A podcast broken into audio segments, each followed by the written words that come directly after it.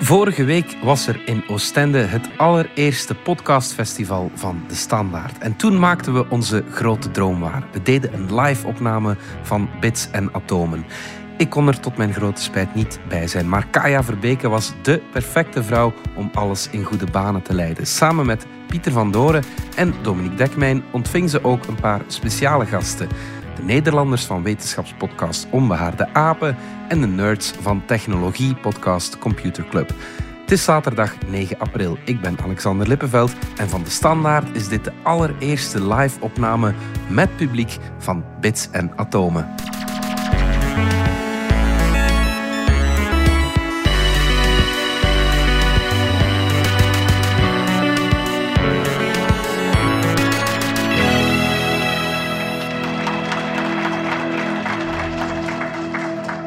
Goedemorgen iedereen, ook van mij welkom bij de live aflevering van Bits en Atomen. We gaan misschien beginnen met onze gasten zichzelf misschien even te laten voorstellen. Vooral, uh, Dominique, je hebt twee gasten meegebracht. Ja, uh, want in de tech zijn er heel, heel wat podcasts. En een van die heel belangrijk is in Vlaanderen, moet ik, maar mag ik wel zeggen. En voilà, de Computerclub. En uh, voilà, dat zijn Thomas... Smolly, ja. Thomas Smolly wordt blijkbaar gezegd. Ja, dat, dat durf ik hier nu niet het mag, live erin mag, gooien. Maar jij, mag, jij zegt dat toch altijd. Hè? Ik zeg in, in niks de podcast anders. Ja. noem je hem heel de tijd Smolly. Dus ja. voilà. Mezelf ben ik Frederik. Maar Freddy. Ja, Freddy. Ja. Smolly en Freddy. Ja. Dus wij zijn een technologiepodcast. Iedere week selecteren Freddy en ik een interessant artikel en dan presenteren we een feitje. Dus we praten over de actualiteit op vlak van technologie. Ja. Oké. Okay. Wat wij eigenlijk ook doen, hè? Inderdaad. Maar ja. wij pakken er ook wetenschap bij. Dus. Ja. Pieter, jij hebt ook een gast meegebracht? Ja, inderdaad. Uh, in uh, het Nederlands taalgebied zijn er maar twee kranten die ertoe doen. Uh, de ene hebben sommige mensen niet vooraan uh, in de hand. En de andere is de NRC in Nederland, ongeveer de tegenhander van de standaard daar. En die hebben ook weer een podcast, Onbehaarde Apen. Dat verwijst naar het fenomeen, het biologisch fenomeen, dat wij ongeveer de enige diersoorten zijn waarbij je de beharing niet ziet. In de jaren 70 uh, was er een uh, boek van Desmond Morris, uh, The Naked Ape. De titel is hem iets sexier dan Onbehaarde Apen. En deze heren, want het zijn heren, hebben die naam overgenomen en doen daar hun ding mee. En Hendrik Spiering is een, iemand van de oude garde bij de NRC en die ook bij Onbehaarde Apen het hoge woord heeft. Hè? Ja, we doen het met z'n drieën eigenlijk. En dan hebben we ook heel veel andere wetenschapsjournalisten van ons. Met Lucas Brouwers en Gemma Venhuizen, die geen man is. En het verschil met, met jullie is dat we iets verder van de actualiteit zitten. En vaak maar één onderwerp mm -hmm. aanpakken. Dus het is meer een, meer een bijlage dan een nieuwspagina, zeg maar. Ja, wij pakken met bits en atomen steeds een paar onderwerpen aan. We gaan een beetje zigzag. Nu, er zijn ook bits en er zijn atomen. Het valt me trouwens op, alle publiek zit aan de atomenkant van de zaken. Dank u. Ja, we gaan dus het hebben over technologie, bits. We gaan het ook hebben over wetenschap, atomen. Maar we beginnen bij de jongens van de technologie. Want we zitten eigenlijk op een belangrijk kantelmoment. De technologie die we vandaag dagelijks gebruiken. Ja, uh, sociale media, online shopping, apps. Die wordt aan banden gelegd. Ja, ja, het is, is uh, een heel merkwaardig uh, moment dat we nu beleven. Dat we die, eigenlijk tot, tot die conclusie waren we zo met z'n drieën gekomen. Toen we een beetje, een een voorgesprekje... Want we hebben dit echt voorbereid, mensen. Uh, dus toen we dit aan het voorbereiden, dachten van... Ja, eigenlijk, het zijn een paar losse themaatjes uit de actualiteit van de voorbije twee weken die, die we gaan oppikken. Maar er zit wel een, een heel groot patroon in. En dat patroon is dat, ja, dat we echt op een, een kantelpunt zitten dat we nog niet zo vaak gezien hebben. Uh, ik, zou, ik zou zeggen, in de, in de kleine 30 jaar dat ik technologie volg, misschien twee of drie keer, max. Hè. De, de dotcom-crash in de tijd was zo'n keerpunt, de opkomst van het web. En ja, maar, maar, waar het deze week om ging, ja, dat actualiteitsmoment was... We hebben het eigenlijk in de, in de bits die we, die we eerder deze week opnamen... al een klein beetje gehad over de Digital Markets Act. Hè. Dat is dat stuk wetgeving. Dat is een beetje duister en niet, niet iedereen heeft dat uh, opgemerkt. Maar dat, uh, tussen al dat Oekraïne-nieuws... Maar dat is een, een bijzonder, bijzonder belangrijk stuk Europese wetgeving... dat uh, nog niet gestemd is. Dat moet nog uh, even gebeuren. Maar dat lijkt nu, lijkt nu een formaliteit te zijn. Maar vooral wat heel uitzonderlijk is... dat is dus wetgeving die regelt eigenlijk hoe het internet... hoe onze basistechnologie van onze samenleving ja, de volgende tientallen jaren gaat werken. En wat je meestal krijgt bij zo'n Europese uh, wetgeving is dat in de laatste rechte lijn beginnen ze dat dan wat uh, af te zwakken. En dan komen die lobbyisten van die grote technologiebedrijven ertussen. Dat zijn er heel wat. Hè. Er zijn onlangs uh, cijfers van gepubliceerd. Dat zijn de, de belangrijkste lobbybedrijven, de grootste lobbybedragen in Europa komen van de technologiebedrijven. Dus die zijn daar allemaal mee bezig geweest. Maar in de, in de laatste rechte lijn is de tekst zelfs nog een beetje aangescherpt, eerder dan afgezwakt. En daardoor, uh, ja, de definitieve tekst moeten we eigenlijk allemaal nog zien. En iedereen wacht een klein beetje, ja, intussen ademloos af van hoe dat die Digital Markets Act van Europa eruit gaat zien. Want die gaat niet alleen in Europa, maar ook in Amerika de regels uh, van het spel bepalen. Uh, en dat wilde ik kijken, ja, daar, moeten we, daar, gaan we, kunnen we eigenlijk haast niet naast als we het nu over technologie hebben. Vandaag over het feit dat Europa inderdaad dat allemaal in een, ja, en dan mag je dat uh, zeggen, in een keurslijf gaat steken. We gaan, we gaan dat regelen. We gaan die technologie eens regelen. En dat is op zich superbelangrijk, want tot hiertoe dachten wij altijd, ik heb het altijd geweten dat wij in de technologie sector, dat men daar zei van, ja, dat kun je allemaal niet reguleren, dat gaat allemaal veel te snel. En bovendien, die politici zijn er eigenlijk te dom voor, die snappen dat niet, die zijn te oud, die weten niet hoe het internet werkt die moeten dan wel afblijven. En ja, dat doen we nu niet meer. Uh, dat, is, dat is een hele grote verandering. En die tekst... Uh, enfin, ik ben nu al een beetje lang aan het praten. Ja, wat vinden jullie? Maar, voilà, maar ik wilde dus komen... De reden dat we alle drie eigenlijk het gevoel hadden van... Dit, dit, dit, dit is een interessant moment om bijvoorbeeld dit samen te doen... is juist omdat er zoveel in, in, in de technologie aan het gebeuren is net nu. En dat echt ja, een keerpunt is ja. aan het markeren. En... Het is misschien, het is misschien niet slecht om die, om die Markets Act even tastbaar te maken. Van, van wat staat daar allemaal in? En het is eigenlijk zelf een tweeluik. Je hebt de Digital Services Act ook. En dat gaat eigenlijk al die grote techbedrijven, al die grote techplatformen, dat is allemaal heel mooi. App stores, uh, Amazon, e-commerce, dat is allemaal heel fijn, heel belangrijk. Maar je merkt ook na al die jaren dat daar ja, best um, minder leuke zaken uit voortgekomen zijn vanuit concurrentiestandpunt. Die Markets Act die gaat eigenlijk zeggen... Ja, Amazon, tuurlijk, je hebt een heel groot platform, maar je mag jezelf daar niet op bevoordelen. Of je mag uh, handelaars daar niet te veel uh, plat gaan duwen. Je hebt eigenlijk te veel kracht. Of die app stores, Google, Amazon, dat is heel makkelijk. Mensen kunnen daar heel makkelijk apps gaan downloaden. Maar blijft er dan niet iets te veel geld plakken aan? Ja, 30% vaak van wat dat je betaalt aan een app store. Als jij een app downloadt die kost 1 euro, blijft er vaak 30 cent hangen bij een Apple of bij een Google. En, en natuurlijk met die grote techbedrijven, ja, het zit een beetje een grote techbedrijf, is, het zijn er niet heel veel. Het worden er eigenlijk steeds minder. Dus dat betekent dat je, je kan daar niet rond. Uh, en dan die Services Act, een beetje meer consumentgericht. Uh, die gaat eigenlijk kijken naar sociale media bijvoorbeeld. Ja, wat, wat moet je doen met, mis, met desinformatie? Wat moet je doen met misinformatie? Uh, wat moet je doen met online pesten? Um, wat moeten die platformen doen om uh, fake news tegen te gaan? Uh, dat soort dingen. Ja. En dat gaat nu worden gereguleerd. Dat gaat nu worden gereguleerd. Dat gaat nu worden duidelijk beschreven wat dat die bedrijven uh, daarmee moeten doen. Ja, dus zoals dat Dominique zei, dat zijn die, die, die beide teksten zijn quasi klaar. Dus de verwachting is dat die, dat die eind dit jaar uh, ja, treden. Uh, hoe ver dat ze gaan gaan, dat zal wellicht nog een beetje bekeken worden. Uh, maar je kan dat eigenlijk uh, bijna zien als GDPR. wat GDPR mm. voor privacy was, uh, zou dit eigenlijk moeten zijn voor concurrentie en, en sociale media. Um, en Europa neemt daar een voortrekkersrol in. Maar heeft Europa de macht om dit door te duwen?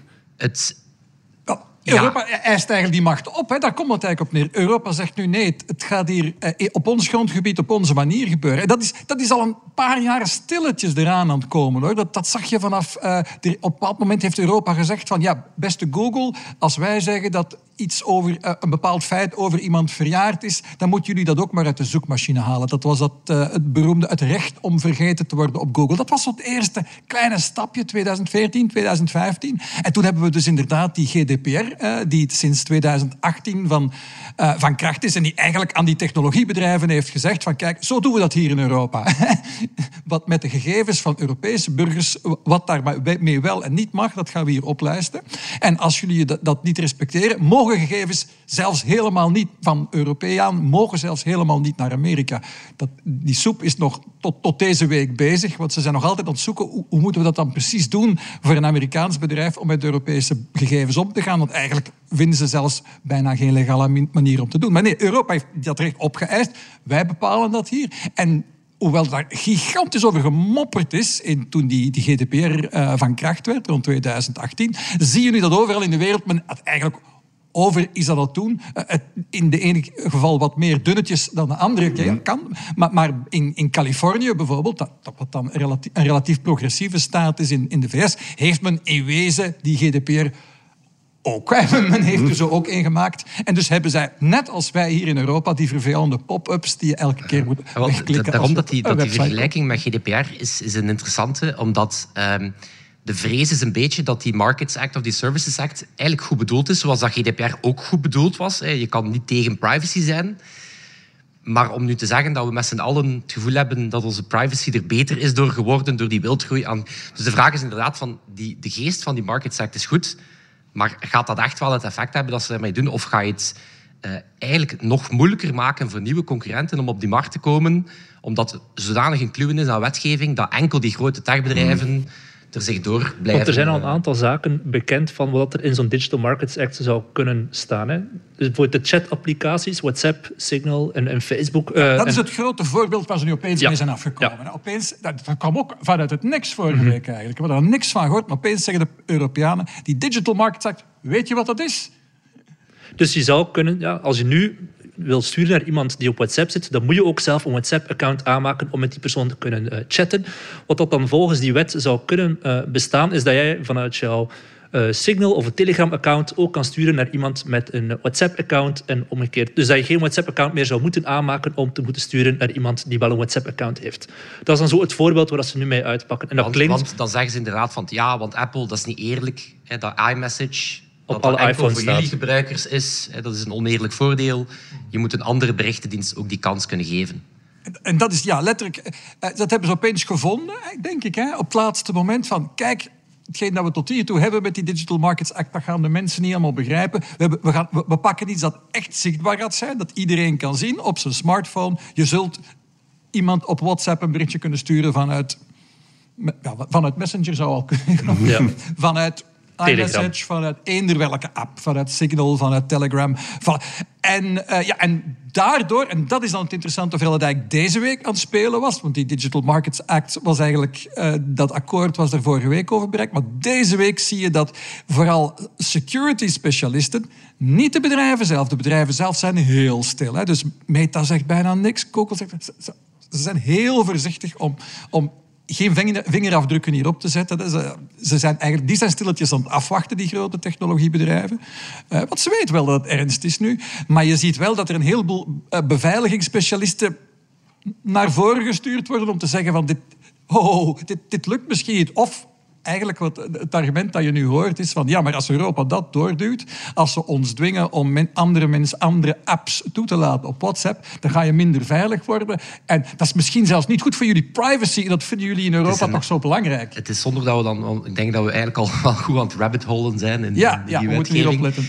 Maar uh, inderdaad, wat, dat, wat dan eigenlijk onmogelijk wordt, is encryptie. Uh, eigenlijk wat onmogelijk wordt, is Eigenlijk wil je dat een dienst niet kan lezen wat jouw berichten zijn. Eigenlijk wil je gewoon dat als ik jou een bericht stuur, dat het enkel voor ons is. En dat is een goede zaak. De wetgever vindt dat niet. Want dat betekent als er ooit een crimineel is mhm. of ooit een misdadiger, dan kan je daar niet aan. Dus de vraag is, hebben ze dit nu er net ook bijgestoken om eigenlijk in één adem ook meteen te zeggen, ja, end-to-end encryptie, het gaat gewoon niet meer gebeuren. Dus ik vermoed dat dat er ook wel mee te maken heeft, als op die manier wel een een ander heet stukje wetgeving er heel dankbaar onder de mat gaan, uh, gaan bijfietsen. Word jij als lobbyist, je hebt die, die uh, als journalist liever, word jij als journalist vaak geconfronteerd met die lobbyisten? Uh, nee, hè, dat, die, de persberichten, ja, maar dus die, bellen, die, bellen ons, ja, die persberichten lopen van, van al die organisaties vallen bij ons wel binnen. Maar en die komen goed getimed binnen om, om ons te helpen van die tekst een beetje te begrijpen. En dan staat er heel veel uitleg bij. En we zijn, wel, we zijn veel, veel uitgenodigd om in te bellen, vrijwillig dan, op van, die, op van die sessies waar allerlei experts ons DMA gaan uitleggen. Dat is dan voor, voorbije maanden geweest. Eigenlijk vooral vorige zomer heel veel uitnodigingen gekregen van Google zelf, uh, van Meta zelf, dat toen nog Facebook heette, maar ook van een aantal onafhankelijke organisaties die vaak door die mensen uh, gesponsord zijn. Maar nee, dat is niet zo nadrukkelijk geweest nee, naar ons in de media toe. Dat zien we trouwens heel zelden hoor. Maar je merkt wel, wat je dus wel merkt natuurlijk, is dat uh, tot voor vijf jaar, hè, dus de periode dat die, dat die GDPR begon onderhandeld te worden, uh, tot voor vijf jaar konden wij niemand van Meta of Google of Twitter bereiken. Die, die, die, die hadden geen persoon die je kon bellen. Jullie, de gewone mensen, hebben sowieso niemand die ze kunnen bellen. Als je, als je, als je Instagram opeens geblokkeerd uh, zit, is er niemand die je kunt bellen. Maar wij hadden ook niemand die we konden bellen. Bij Facebook of Google, er was niemand. En opeens was daar, was er wel iemand. En nog een jaar later belde die heel de tijd. en nu kunnen ze bij wijze van spreken... Hè, telefoon rinkelt heel de tijd, omdat iemand van Meta zegt, zeg maar, we hebben een, een directeur die op bezoek is en zou je die niet eens willen spreken? En we, hebben, we kunnen iets heel... Deze week was het dan nog, hè, dus er waren twee berichten tegelijk uh, van, van Meta. Ik zal, het even vertellen, want dat komt op, een actualiteitsberichtje van de week. Dus dezelfde dag krijg ik deze twee berichten van, over Meta. Aan de ene kant heb je dus Meta zelf, dat een persbericht rondstuurt van, ja, we kunnen, kun je even inbellen, want we gaan iets vertellen over hoe we artificiële intelligentie gaan gebruiken om biografieën te schrijven van belangrijke vrouwen in de wetenschap. Want er zijn niet genoeg biografieën van vrouwen op Wikipedia en we, we gaan daar nu artificiële intelligentie voor gebruiken. Kijk eens hoe dat we onze fantastische artificiële intelligentie gebruiken in het belang van vrouwen in de wetenschap. Want dat vinden we zo belangrijk. Diezelfde dag was er een ander metaverhaal dat ik had kunnen schrijven voor de krant. Ik heb er uiteindelijk een column over geschreven in de Washington Post. En Washington Post heeft, de, heeft Meta, datzelfde bedrijf, dus betrapt op een poging om, om TikTok hun grote concurrent zwart te maken op een nogal subtiele manier. Dat is wat, eigenlijk wat men dark PR noemt. Ze, zijn, ze hebben een, een heel groot en trouwens conservatief uh, uh, republikeins PR-bureau, communicatiebureau in Amerika gebruikt om te proberen negatief, niet positieve verhalen over zichzelf in de media te krijgen, maar negatieve verhalen over TikTok. En Gebeurt dat vaak? Ik denk dat dat niet zo vaak gebeurt. In de politiek wel, maar in de technologie denk ik eerder zelden. Dat is, ik heb een paar keer geweten in mijn carrière dat iemand probeert mij iets negatiefs over zijn concurrent te laten schrijven. Het is niet, maar het is, laten we zeggen, zeer zeldzaam. En het is nog zeldzamer dat je er gewoon, uh, gewoon uh, op laat betrappen. Zoals Meta heel onvoorzichtig heeft gedaan. Uh, maar, voilà. maar dat bewijst eigenlijk hoe, hoe, nerveus die bedrijven op, op dit moment te zijn. Dus die PR-dienst van Facebook in Brussel die voelt... Shit, Dekman gaat dat artikel gezien hebben in de Washington Post. Die gaat iets slechts over ons schrijven. Van we gaan nu snel een, een positief persbericht uit de schuif halen en naar hem sturen. Nee, maar het, het is wel zo dat je, dat, je, dat je ziet dat ze die twee paden tegelijk zijn het bewandelen. Hè. Dus aan de ene kant uh, zijn ze heel krampachtig bezig om positieve verhalen over zichzelf in de media te krijgen. En aan de andere kant be betalen ze dus een agentschap om negatieve verhalen over TikTok erin te krijgen. Vooral dan, want dat gaat dan heel specifiek over, hoe, hoe gevaarlijk TikTok voor kinderen is. En dat moet dan de aandacht afleiden van de eerdere verhalen over, over hoe gevaarlijk uh, is, Instagram voor jonge meisjes is. Het is interessant dat ze altijd wel weer reden vinden van ja, ja, ja, jullie concurrentiewetgeving, maar de Chinezen. Weet je, we gaan nog niet aan de Chinezen, want die zijn nog erger. Of ja, oké, okay, jullie willen ons het moeilijk maken om op sociale media dingen te controleren. Maar ja, wij kunnen toch die desinformatie in Rusland niet, niet, niet aanpakken als we dat niet kunnen. Dus je voelt dat ze eigenlijk onmiddellijk altijd zo de, op een heel handige manier wel gaan zoeken van... Ja, maar dit is wel nog belangrijker dan hetgeen dat je ons eigenlijk uh, ja. Heel groot. Nu, die, dat TikTok-argument is vooral iets dat in Amerika werkt natuurlijk. Daar is het van, ja, jullie gaan toch... Want in Amerika ligt er ook wetgeving voor die streng is voor diezelfde technologiebedrijven. Uh, maar daar is een groot verschil. Uh, ten eerste, de, de, traditie in Amerika is dat ze die bedrijven geen strobreed in de weg leggen. Al heel lang is dat de traditie, al twintig jaar. Uh, maar vooral, ja, dat zijn de lokale bedrijven, dat zijn de lokale helden. Hè. Het is nog maar de laatste paar jaar dat die technologiebedrijven, dat het imago daarvan in eigen land wat is aangetast. Bij ons is dat helemaal anders. Hè. Voor ons is TikTok een Chinees bedrijf en, en Meta een Amerikaans bedrijf. Maar eigenlijk kennen we dat Amerikaanse bedrijf beter en daar hebben we eigenlijk een veel slechtere mening van.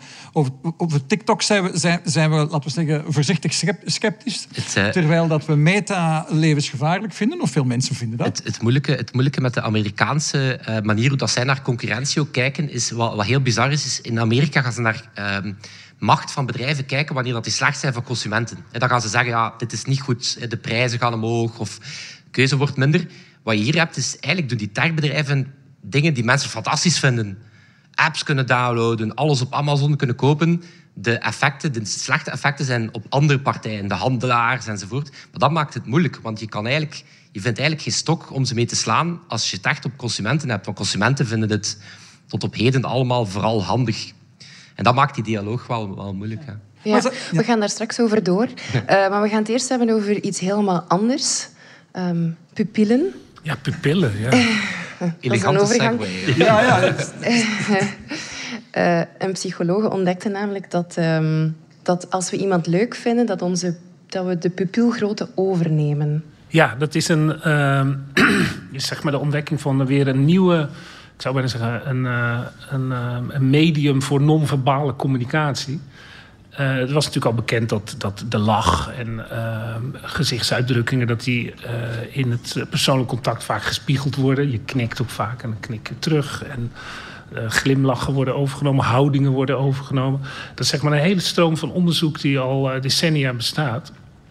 Maar er is een Nederlandse psycholoog die aan de Universiteit Leiden zit. Mariska Kret heet ze. Die heeft een boek geschreven. Daar, daarom sprak ik ook met haar tussen grimas en grijns. Dat geeft al een beetje aan dat, uh, dat, dat, dat het niet heel erg op de glimlach heeft. Want zij zegt, de glimlach is zeg maar heel erg een sociale emotie. En zij zoekt naar andere...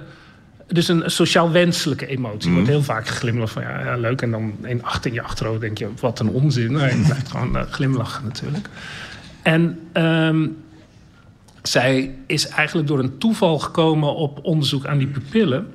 Omdat ze door een een of andere move in haar carrière zat ze naar een keurige uh, psychologieopleiding. Ineens in een apenlab in Japan. Een van de beroemdste apenlaboratoria die er zijn. Het wordt binnenkort opgeheven, vrees ik. Maar er is heel veel onderzoek over chimpansees. En ik denk dat ze ook een paar bonobo's hebben.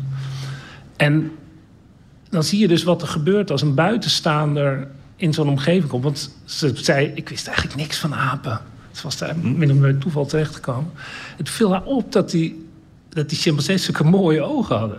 Dus uh, mooie irissen. En toen is ze daar onderzoek naar gaan doen. En dat is ook nog een, een, een, een ding voor de, het verschil tussen mensen en, en apen. Dat wij hebben allemaal dat oogwit. Dus wij kunnen vrij goed zien uh, dat, waar iemand naar kijkt. Dat is zeg maar voor het persoonlijke verkeer heel belangrijk. Er zijn ook geweldige experimenten bij of iemand kan zien of iemand iets verbergt en hoe die daar dan ook mee omgaat. Dieren dieren hebben dat minder, hoewel je dan de richting van het gezicht natuurlijk hebt.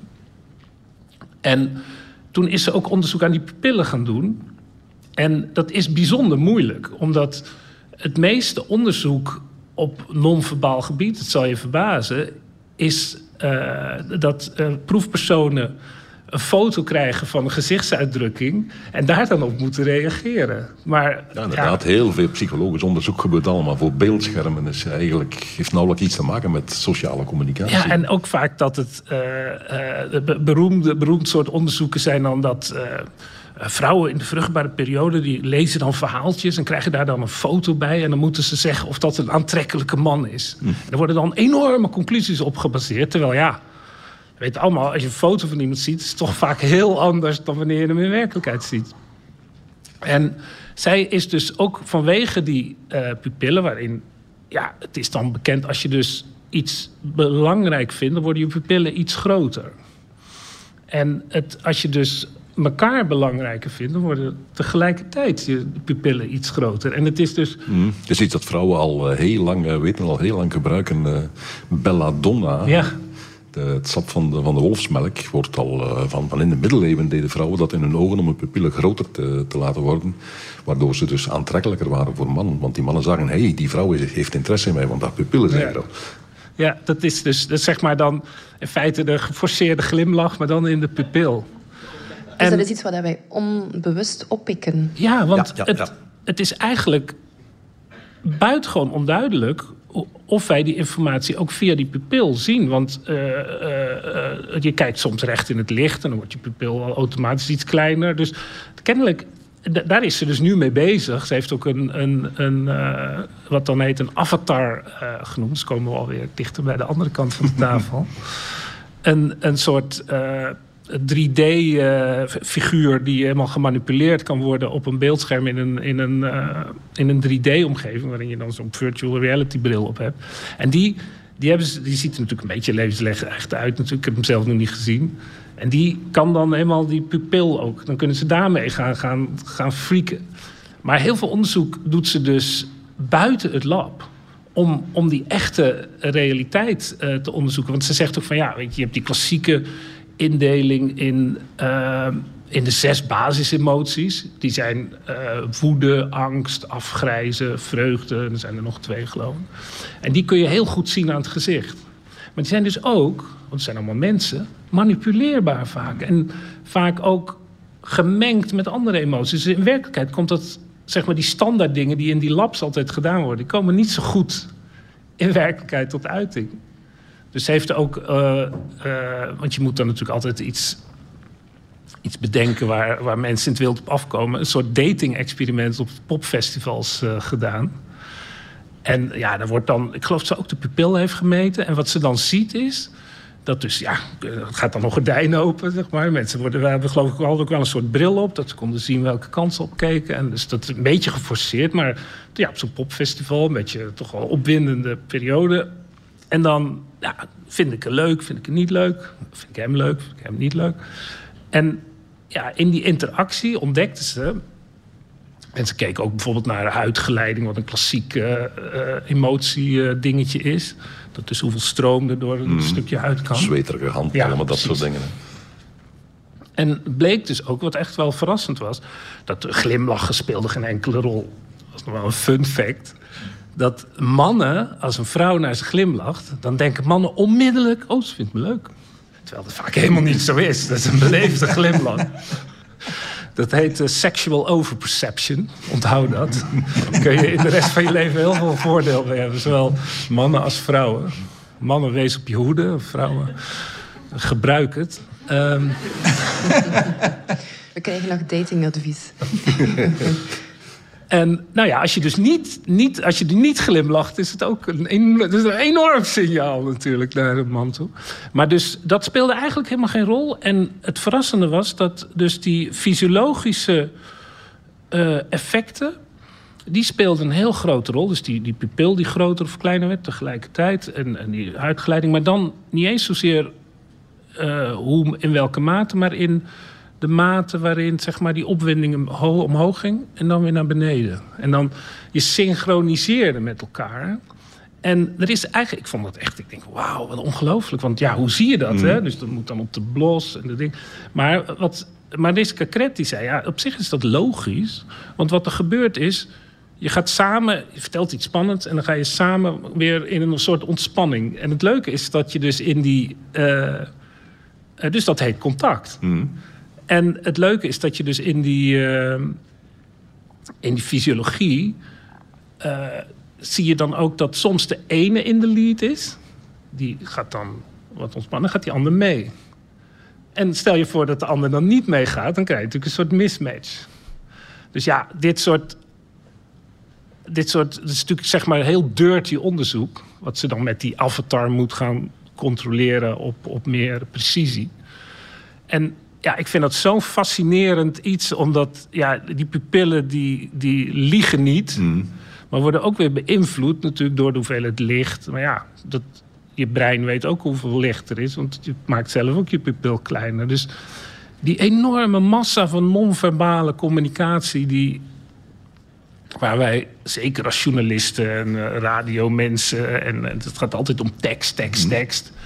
Terwijl ja, er wordt wel eens gezegd... de helft van de informatie die gaat via non-verbaal. Zelfs een, als een blinde iemand belt, maakt hij nog gebaren. Wat is er aan de hand? Als een blinde iemand belt? Maakt hij gebaren. Dus als jij met een blinde... Een blinde maakt ook gebaren. Waarom? Hij ziet ze zelf niet. Ja, er is een uh, heel oude anekdote van uh, Bell, de uitvinder uh, van de telefoon die aan de, aan de Italiaanse minister van uh, Post en Telegrafie moest gaan uitleggen dat zijn telefoon toch wel iets heel nuttigs was en dat de staat dat moest gaan uh, stimuleren. En die legt dan uit aan de minister, kijk, uh, je hebt zo'n microfoontje hier, dat hou je voor je mond en je hebt nog zo'n ding en dat hou je voor je oor. En die minister vraagt, en met welke hand moet ik dan communiceren? Ja. nou ja, wij zijn natuurlijk nu allemaal zo geconditioneerd. Dan maak ik weer even een uitstapje naar de andere kant van de, van de, van de tafel. Om in, in hele precieze uh, kanalen te communiceren. Met, uh, met e-mail, met tekst en uh, telefonie. Mm. Dat was, vroeger was dat ook een. Ja, was, was, was, was echt bijzonder. Mensen belden liever niet. en ja, die, terwijl we zeg maar in het wild zoveel dingen laten blijken. Ik zit hier nou ook bij een podcast met mijn armen gebaren. Dat is vaak, als je op iemand zijn gebaren let, dan kan je soms al zien wat hij gaat zeggen. Terwijl die persoon het zelf niet weet. Er zijn onderzoekingen waarin dus uh, mensen iets moeten uitleggen en wat ze zelf nog niet zo goed begrijpen. En dan zie je dat bijvoorbeeld hun handen doen dan al dit. Zo van, ja, zo werkt, je moet het dan opendraaien. En terwijl de persoon het zelf nog aan het formuleren is, zeggen die handen gewoon draaien, man. Maar zo ben, je, eigenlijk, zo ben je wel een beetje het medium podcast aan het onderuit halen. Als, precies alsof, ter, terwijl we daar juist geleerd hebben de laatste jaren... dat je, zo, dat je ook iets extra meegeeft als je helemaal niks ziet natuurlijk. Precies. Maar dat is natuurlijk de kracht van podcast. Dat, je als, dat de persoon van de podcast-presentator en de mensen... moet ook altijd benadrukt worden... dat je dus niet heel formeel gaat zitten praten... maar dat je dus je menselijkheid moet laten ja, tonen. Moet en dat, dat is, gesprek zijn. Ja, dat is ook een nieuw kanaal. Moet je maar zijn ouderwetse radio-uitzendingen luisteren. Daarmee dat wij altijd onze podcast opnemen zonder broek aan. Wat lief. Ja. maar die kennis kan vernietigend zijn op de communicatie. Eens dat je dat weet, is, uh, is de podcast... Uh, Nog veel leuker. Ja. Oké, we gaan terug naar de techjongens. Uh, we horen steeds vaker over metaverse, uh, web 2, web 3, cryptomunten en zo verder. Um, lopen wij binnenkort allemaal rond met een VR-bril op straat? Uh, ik niet. Ik zou altijd niet rondlopen met een VR-bril op straat, want dan ga je heel snel ergens tegenbotsen. Nee, dit is inderdaad... Ah, je moet het dan ja. ja we, hebben, we, we, hebben daarnet gehoord, het internet zoals we het tot nu toe kennen, die is uh, ja, redelijk in een slecht daglicht gesteld. Privacy, desinformatie, monopolies van grote techbedrijven. er zijn eigenlijk al een aantal jaar mensen aan het nadenken, oké, wat is de volgende stap? En er zijn twee begrippen redelijk belangrijk. Het metaverse en, en de Web3. Misschien voordat we echt in een discussie duiken, een beetje kaderen wat dat die twee begrippen zijn. Metaverse is best te omschrijven. We hebben vorige week met de VRT een hele dag met 30 mensen gediscussieerd om gewoon nog maar tot een definitie van het concept metaverse te komen. Metaverse is, cru gezegd, internet waar je middenin zit dat kan enerzijds virtueel zijn, zoals hij in Fortnite kan rondlopen, naar concerten kan gaan kijken, met vrienden kan samenkomen. Kan ook gewoon fysiek zijn, zoals hij zegt, rondlopen. En, uh, er zijn mensen die zeggen, aan de toekomst zal er een laagje informatie op de bestaande wereld komen te liggen. En dan draag je ofwel zo'n Google Glass of een andere bril waarop je informatie te zien krijgt over een persoon of over een gebouw. Of je gaat met je smartphone, zoals je met Pokémon Go gewend bent, gaan rondbewegen en je ziet informatie over de echte wereld. Die Naar welke zaal moet ik gaan straks? Bijvoorbeeld. Uh, wat speelt er in deze zaal? Ja, wie zijn die twee gasten hier? Of die, die, die vijf man en de, die vrouw die hier vooraan zitten. Nee, maar dat is, dat is het metaverse. Anderzijds heb je die Web 3. We hebben het Web 1 was in de jaren 90 was een beetje het eenrichtingsverkeer. Je ging naar een website en daar kreeg je informatie te zien. En daar stopte het ook. Dat was echt zeer eenrichtingsverkeer. Web 2 kwam dan daarna... Uh, waar we echt konden communiceren met elkaar. Facebook is daar een perfect voorbeeld van. Wikipedia, je kan gewoon met mensen in interactie gaan. En het grote nadeel van die Web 2, zeggen mensen, is het feit dat er heel grote bedrijven eigenlijk ja, parasiteren op ons gedrag. Als wij op Facebook dingen gaan communiceren, weet Facebook meer over ons. Ze hebben data over ons die ze kunnen gaan verkopen aan andere mensen. Eigenlijk zeggen de mensen, ja, Web 3 moet er ontstaan. Een soort onafhankelijk decentraal internet. Dat er niet één grote partij is die informatie bezit. Is decentraal en iedereen kan daar zelf mee aan de slag gaan. Er zijn een aantal toepassingen die daarvan nu al concreet uh, beschikbaar zijn, maar dat is dan waar wij nu over kunnen babbelen. Er zijn voor- en nadelen aan die, die Web 3. En uh, ik denk misschien het meest bekende voorbeeld, of het grootste probleem op dit moment, is het gebrek aan regulering. Als er op Facebook iets misgaat, dan weet je, ik kan bij Facebook uh, daar klacht gaan neerleggen. Als er op zo'n heel compleet decentraal internet iets misgaat, er is geen partij die je vaak kan gaan, gaan aanklagen. Een goed voorbeeld is deze week was er een, een NFT-platform, een spelletje.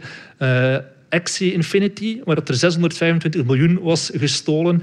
Eh, aan virtuele munten en andere virtuele goederen. En je kan daar niet echt voor naar de politie gaan op dit moment of iemand voor gaan uh, aansprakelijk stellen als dat zo'n decentraal platform is. Ja, dus en wat maakt die Axie Infinity anders dan traditioneel spel? To, ja. Play to earn. Ja.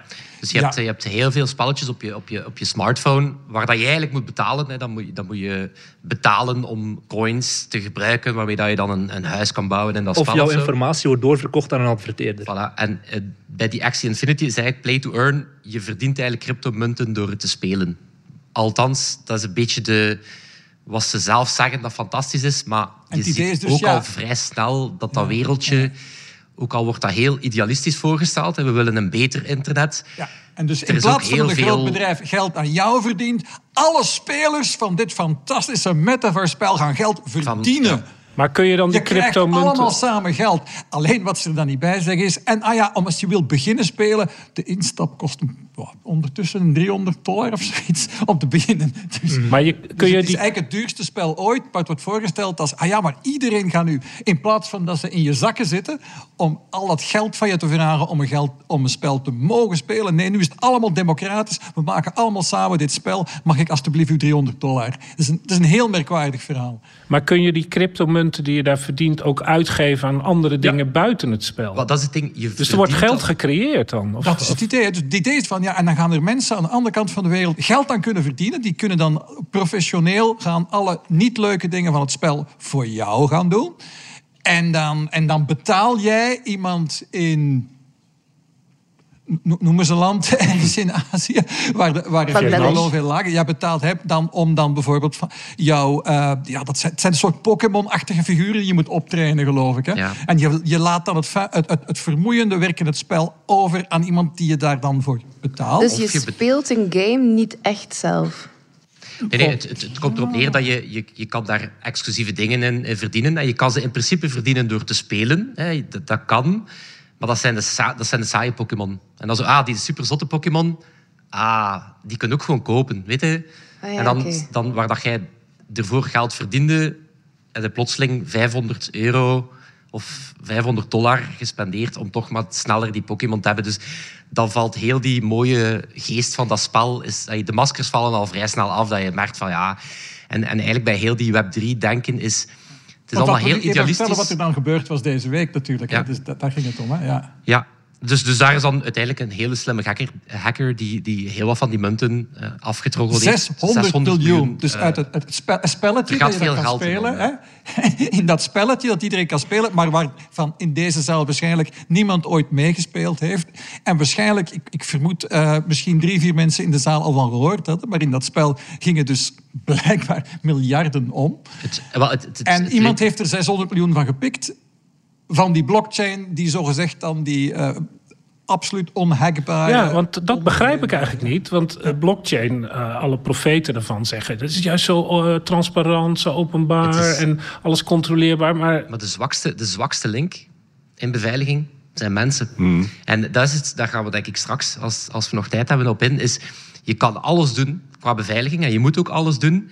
Maar dan heb je, ehm, ja, dat heet al social engineering. Dat is iemand die jouw paswoord probeert te bemachtigen. Die doet zich voor ja, als dat kan natuurlijk, ja. die dienst die zegt, ja, ho, we hebben iets opgemerkt. Moet je toch even inloggen hoor. Dat doe je. Ze hebben je paswoord, ze halen geld uit. Dus veel mensen denken bij hacking aan hoogtechnologische, ja, daar zit dan ergens de, de slimste hacker ter wereld. Die bestaan. Maar heel vaak zijn het eigenlijk gewoon verveelde pubers die ja. maar jouw vraag is... sms'en rondsturen en iemand bijt en dan zijn ze binnen. En dan, uh... Maar jouw vraag is waarschijnlijk, ja, dat geld gaat dan naar een rekening. Je ziet op de blockchain toch naar waar het gaat. Ja, dan wordt het vaak zeer vloe, want je, je moet niet letterlijk jouw naam en familienaam opgeven als je zo'n rekening... Nee, uh... Je hebt ook zo'n mixers, hè? Ja, dat, dat, dat, eindigt altijd in het reguliere circuit op de een of andere manier. Als een mixer genoemd, is er eigenlijk een beeldje een, een, een betonmolen in. Ja? Dus wat je dan zegt is, eigenlijk als je geld van de ene naar de, naar de andere wallet overschrijft, dat is traceerbaar. Dus wat zij gaan zeggen is, ja, tussen A en B, wij gaan er nog 400 andere tussenpartijen tussen steken. Een beetje zoals dat je geld over, de, de over allerlei eilanden gaat sturen. Ja, de Salomon-eilanden of wat Ja, ja, dus, dus, dat is een dienst dat je zegt, oké, ik, wil, ik wil 100 uh, ether overschrijven. Maar we gaan, we gaan het een beetje vloe maken. En op een bepaald moment kopen we daarom voor het... Um, ja, hoe noem je dat, van die, van die kaarten voor, voor de Steam-winkel of de Apple Shop of whatever, mee zoiets legaal dat toch half traceerbaar is. Maar er zit extreem veel geld in die hele industrie. Vorige week nog een mail gekregen van zo'n blockchain-bedrijf dat zei: Ik heb 50.000 euro per maand om aan marketing te doen, wil je me helpen? Maar als je dan begint door te vragen van, van waar komt dat geld nu precies en wie zit hierachter, dan werd het stil en dan werd er niet meer gereageerd op de mails. Dus dat is dan zo'n manier dat ze dan toch dat geld dat van ergens komt, proberen wit te wassen. Dat is, dat is eigenlijk wat, wat mij nog meest stoort aan die trend, is hij wordt echt voorgesteld als dit gaat de oplossing voor alles zijn. Dit is terug naar de kern van het correcte internet hè, waarvoor dat het dient. Maar je ziet nu al dat het vol misbruik zit. Het is hypercommercieel. Het echte internet is ontstaan door wetenschappers, omdat ze op die manier vlot papers naar elkaar konden sturen. Dit nieuwe internet wordt eigenlijk gecreëerd door, cru gezegd, grotendeels geldwolven die, die gewoon zeggen, ah, dat internet, daar zit veel geld in, dan maar, internet. Maar dat betekent... is de technologie wel relevant, want Tim Berners-Lee, die in de tijd het World Wide Web heeft uitgevonden, is nu bezig met een project dat heet Solid. Vandaar inderdaad zei de Vlaamse overheid, die wil ook gaan kijken van hoe kunnen we ervoor zorgen dat de burgers zelf weer meer inspraak hebben in dit is mijn data, wat gebeurt er met mij. En op technologisch vlak is het wel zeer interessant, maar je merkt nu al in de, de, de commerciële wereld dat daar zeer veel uh, cowboys rondlopen. Maar er is ook een enorme paradox. Want een van de aantrekkelijkheden van de blockchain is dat het en transparant is, maar ook anoniem. Dat je dus die, die personen die je daar ontmoet, die, dat, dat zijn een soort mhm. avatars. En je, je ziet niet uh, waar ze wonen, zeg maar. Nu, zodra het anoniem is, is het niet meer transparant natuurlijk. Iemand kan zich verbergen achter een uh, identiteit en uh, dingen doen die je dan helemaal nooit meer kunt traceren, want je weet niet nou wie ja, het was. Via die transparantie kun je dan precies al die transacties nog weer nakijken, omdat het allemaal diffuus op al die servers overal is vastgelegd waar je toegang toe hebt. Maar je weet niet wie het is. En, mhm. en in die die anonimiteit gaat het nu opbreken. Dus, want dan kun je dus uh, met duizend transacties daarna je de weg kwijt. Ja, er zijn dus, eh, waar het op neerkomt, er zijn gigantisch veel vragen over die technologie waar plots heel veel geld naartoe gaat en waar ook heel veel geld is ontstaan. Uh, En dus een technologie die sowieso heel belangrijk wordt voor ons allemaal, omdat alle, al die grote bedrijven daarmee bezig zijn, op, op een of andere manier. Terwijl er inderdaad gigantisch veel vraagtekens zijn. Uh, voilà, maar we, we, zullen, hier kunnen we nu heel diep gaan op die blockchain. Ik stel voor. Of de, het, het, het, voorbeeld dat misschien nog het meest mensen in de zaal wel gaan kennen is NFT's. Heb je wellicht. Ja. Het is heel moeilijk om die drie letters nog ergens niet te zien opduiken. Dat is een heel mooi voorbeeld. nog eens uit wat het is. Een NFT is eigenlijk een digitaal eigendomsbewijs is eigenlijk een digitaal kastticket. En je ziet dat ontstaan en dan denk je, ah, dat is eigenlijk wel cool dat digitale kunstenaars eigenlijk op deze manier hun werk kunnen verkopen met een soort echtheidscertificaat. Ja, en dan, dan denk je in het begin, tof. Eigenlijk goed. In welk recordtempo dat dat de grootste scams beginnen worden zijn, waar dat er tal van voorbeelden zijn van ja, mijn nieuwe NFT's zijn dan superschattige katjes, geef me maar je geld. En op het moment dat die NFT online moet komen, bye, dan zijn ze verdwenen, hebben ze 5 miljoen opgestreken, weg met de Noordzon. En dan merk je dat die mooie technologie, wat bij deze kan zijn, eigenlijk binnen de kortste keren... Uh, ja, je hebt een eigendomsbewijs van hete lucht en niks meer uiteindelijk. Nou, niet per se. Stel dat je een, een heel grote fervente gamer bent, je speelt al jarenlang World of Warcraft, je hebt daar twee jaar lang uh, gewerkt. Je hebt een zwaard gekregen dat je pas krijgt nadat je twee jaar lang dat spel gespeeld hebt. Je zegt, ik wil stoppen met, met World of Warcraft, maar ik heb nu wel dat, dat zwaard waar ik twee jaar lang voor, voor gewerkt heb. Mhm. Ik wil dat verkopen aan mijn vriend. Ik wil dat verkopen aan Dominique. Ja, vroeger ging dat. Dan betaalde Dominique mij 50 euro cash op de speelplaats. Dan verkocht ik dat aan hem of dan kon ik ermee weglopen. Maar nu dat dat zo... Ja, ja, legaler wordt vastgelegd van Dominique betaalt letterlijk 50 euro en ik krijg dan een zwaard in ruil. Dat is wel een use case die echt eigenlijk is, iets eigenlijk is. heel mooie technologie. Je kan, je kan blockchain eigenlijk het best zien als wat als we de kracht van software, hè, wat als we dingen programmeerbaar kunnen maken die we vroeger niet konden, geld. Hè, wat, als, wat als Dominique ooit zei, hey, weet, ik zie daar die twee boys van Computerclub, ik geloof al in die podcast, ik ga erin investeren ja, wat moesten we vroeger doen? Ja, naar een notaris gaan en, en dat allemaal regelen. Eigenlijk kan Dominique dat geld nu programmeerbaar aan ons geven. En alles wat wij ooit gaan verdienen, spreken wij dan af. Ah, weet je, 5% daarvan gaat automatisch terug naar Dominique. dat is nu een, een, voorbeeld aan deze tafel. Maar wat als ik eh, boeren in Afrika wil helpen hun eerste oogst gaan sponsoren, zonder dat ik wil dat er tal van geld blijft plakken aan tussenpartijen. Dus het is wat knap. Je kan, je kan heel coole dingen doen. Maar we moeten, zoals een beetje met technologie vandaag al, ook goed nadenken van ja, maar moeten we ook niet opletten dat er daar terug evenveel misbruik gaat zijn. Of bij crypto, dat is allemaal goed, maar dan merk je dat Russen nu massaal die crypto-platformen aan het gebruiken zijn om toch gewoon geld, wat ze in het klassieke circuit niet meer mogen verplaatsen, om het dan uiteindelijk via die achterdeur toch te gaan doen. Dus dan zie je dat die mooie technologie, correctere munten voor iedereen, ja, ook criminele kanten kent. We gaan straks verder over uh, cybersecurity. Top. We gaan opnieuw een hele bruske overgang maken naar de mannen van atomen. Want we gaan het hebben over dolfijnen en meer bepaald hun voortplanting. Yep. Ehm, mannetjes dolfijnen kunnen maar beter een goed netwerk hebben en populair zijn bij hun vrienden, heeft onderzoek uitgewezen. Ja, inderdaad. Ehm, het, het gaat over eh, tuimelaars. Uh, mensen die al wat ouder zijn kennen misschien nog de tv-serie Flipper. Flipper is een tuimelaar. Ik vind het fantastisch dat we hier een podcast hebben met de blockchain en Flipper. uh, dit is wat we nodig hebben. Het is een hele leuke NFT van ook. Goeie je, crossover. Je kunt alle afleveringen in eigendom nemen. Nu, Flipper was een Australische dolfijn. Die reeks eh, speelde in Australië. Dit onderzoek is ook Australisch. In eh, Shark Bay in West-Australië hebben ze 30 jaar lang een hele reeks dolfijnen gevolgd. Uh, biologie, voor de mensen die dat nog denken, uh, veldbiologie, dat is niet uh, zoals je de zondagnamiddag doet, overal rondlopen en zeggen, hey, dit is leuk en dit is mooi. Veldbiologie is tegenwoordig op een stoeltje zitten en streepjes zetten. En dolfijnen tellen. En kijken hoe vaak komt die boven water. Hoe vaak komt die dicht bij die dolfijn. raken ze elkaar aan of niet? Streepje. En dat blijf je ja, maar doen. Dan zit je wel in een, een wiebelig bootje natuurlijk. ja. Het is niet altijd een stoeltje inderdaad. Dat kan ook een botje zijn of een boom, whatever.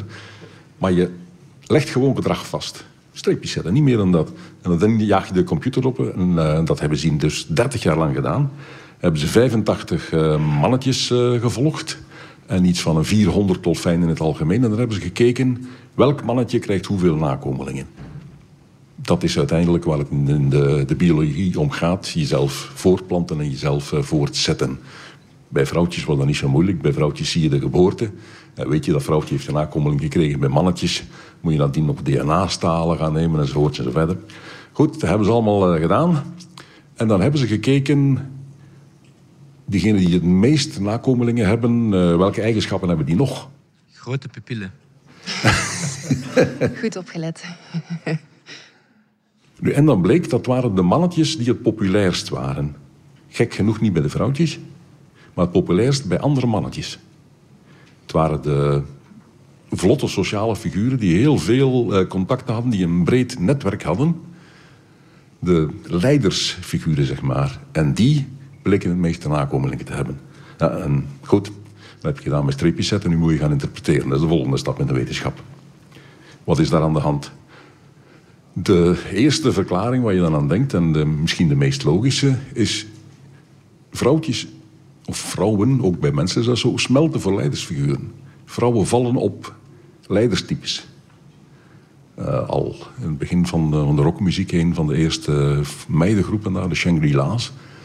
Die hadden een liedje dat heette The Leader of the Pack. Waar een van die vrouwen dus uh, heel emotioneel vertelt over hoe verliefd ze was op de leider van de bende. Het zijn die figuren waar vrouwen uh, naartoe getrokken worden. Figuren met macht, figuren met uh, kracht. Bendeleiders. En inderdaad, als je dus als mannetje leider van zo'n bende bent, dan komen de vrouwtjes vanzelf naar je toe. Dat is de eerste verklaring. De keuze ligt bij de vrouwtjes. Maar er is nog een tweede, een beetje donkerder verklaring. En die heeft uh, mijn buurman oh, klaar ja, ja. ja, want het, het, in het eerdere gesprek daarover, toen hadden we het erover. En het, zoals de, er ook een dark side van de blockchain is, er ook een enorme dark side van de dolfijnen. Want zoals je nu, nu vertelt, is het, uh, klinkt het als uh, ja, blije dolfijnen, mannen met veel vrienden en die, die vrouwelijke dolfijnen. Ah, dat lijkt me wel wat. Maar het, dit is dus wat in de natuur was het uh, in, de, in de geschiedenis van de biologie is het. Vroeger was het zo dat heel erg het mannelijk gedrag werd uh, bepalend gevonden voor, de, voor, de, voor het succes van, van de voortplanting. En vrouwen hadden Alle biologen waren mannen. Hè? Ja. En in de laatste decennia is, is zeg maar de, uh, de, de female choice, de, de, de keuze van de vrouwen, is eigenlijk alles bepalend voor, voor, voor het hele systeem. Daar passen die mannen zich aan aan enzovoort. Maar hier heb je dus een, uh, een uitzondering daarop. Want die vriendenclubben die uh, Pieter zo uh, welsprekend benoemde... dat zijn eigenlijk een soort verkrachtingsallianties. Omdat eh, het normale patroon bij dolfijnen, ook bij andere tuimelaars, het is een vrij typisch iets voor Shark Bay. Omdat dolfijnen zijn heel moeilijk te onderzoeken. Maar daar zitten ze allemaal in die baai. Dus dan kan je ze allemaal een beetje in de gaten houden. Het is heel erg onbekend wat, wat er verder uh, eigenlijk gebeurt. Maar de klassieke uh, ritual bij dolfijnen is... man vrouwtje, gaat er achteraan. Vrouwtje gaat er vandoor. En kan de man laten winnen. Dus dat, dat spel wordt gespeeld. En dan is dus, kan, kan, heeft die vrouw een dikke vinger in de pap met wie ze zich gaat voortplanten. Maar hier is het zo dat die vrouwen eigenlijk vrij geïsoleerd leven. Die hebben helemaal niet een, een, een vaste uh, clan om zich heen. Die is er wel, maar dat is heel erg losvast.